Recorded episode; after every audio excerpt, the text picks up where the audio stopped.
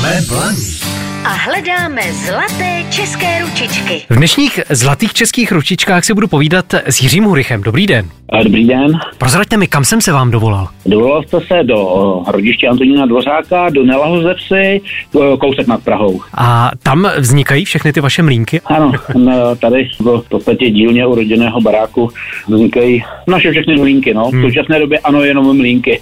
A o mlínkách se budeme teď bavit. Když budeme trošku konkrétnější, o jaké mlínky se jedná? Asi to nebudou takové ty mlínky na vodu, co vyrábějí elektřinu. ne, ne, jedná se o ruční dřevěné mlínky mlínky na eh, pepř, sůl a jiná koření. Co vás to napadlo začít je vyrábět? Bylo jich málo na trhu? To asi ani ne, nicméně doba covidová mě trošinku změnila plány. Já jsem předtím vyráběl a soustředil jsem vlastně dřevěné misky, svícny, různé jiné výrobky a ten covid eh, vlastně to zasekl všechny akce šermířské, po kterých jsem jezdil, protože jsem dodával šermířům na středověké bitvy, třeba nádobí na jídlo Aha. A tak dále, historické věci, nebo, nebo repliky podle historických nálezů, eh, různých misek a tak dále. No a ten covid mi umožnil jenom to, že vlastně mínkou jsem se věnoval okrajové a rozjel jsem to naplno a, no a tak nějak mi to zůstalo.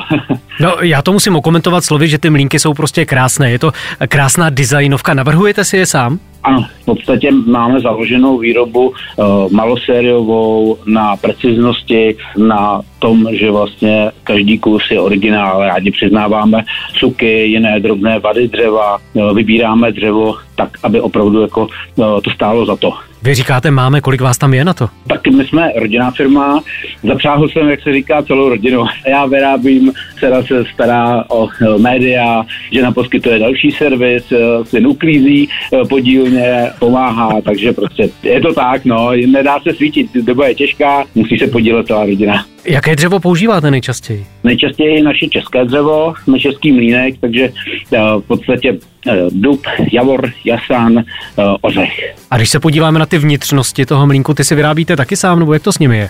Ne, ne. Srdcem každého mlínku je keramický mlecí mechanismus dánského výrobce.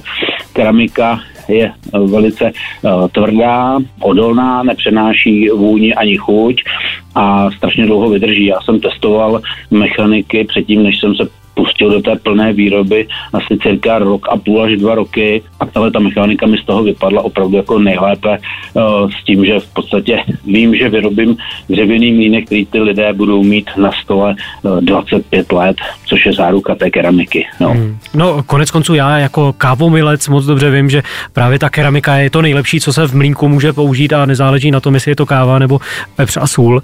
Co takhle mlínky na kafe? Už jste se po nich třeba taky koukal, že byste začal vyrábět? Určitě. Mlínky na kafe uh, mám ve svém portfoliu, nicméně nejsou zatím na našem e-shopu.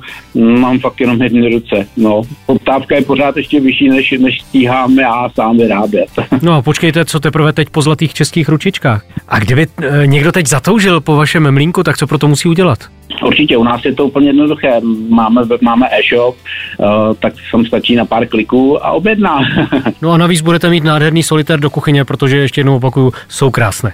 Moc vám děkuji za účast v dnešních zlatých českých ručičkách. Popřeju vám hodně štěstí a mějte se krásně, naslyšenou. Já vám děkuji a přeju posluchačům Blaníku taky krásný den. Nashledanou. Jsme Blaník a hledáme zlaté české ručičky.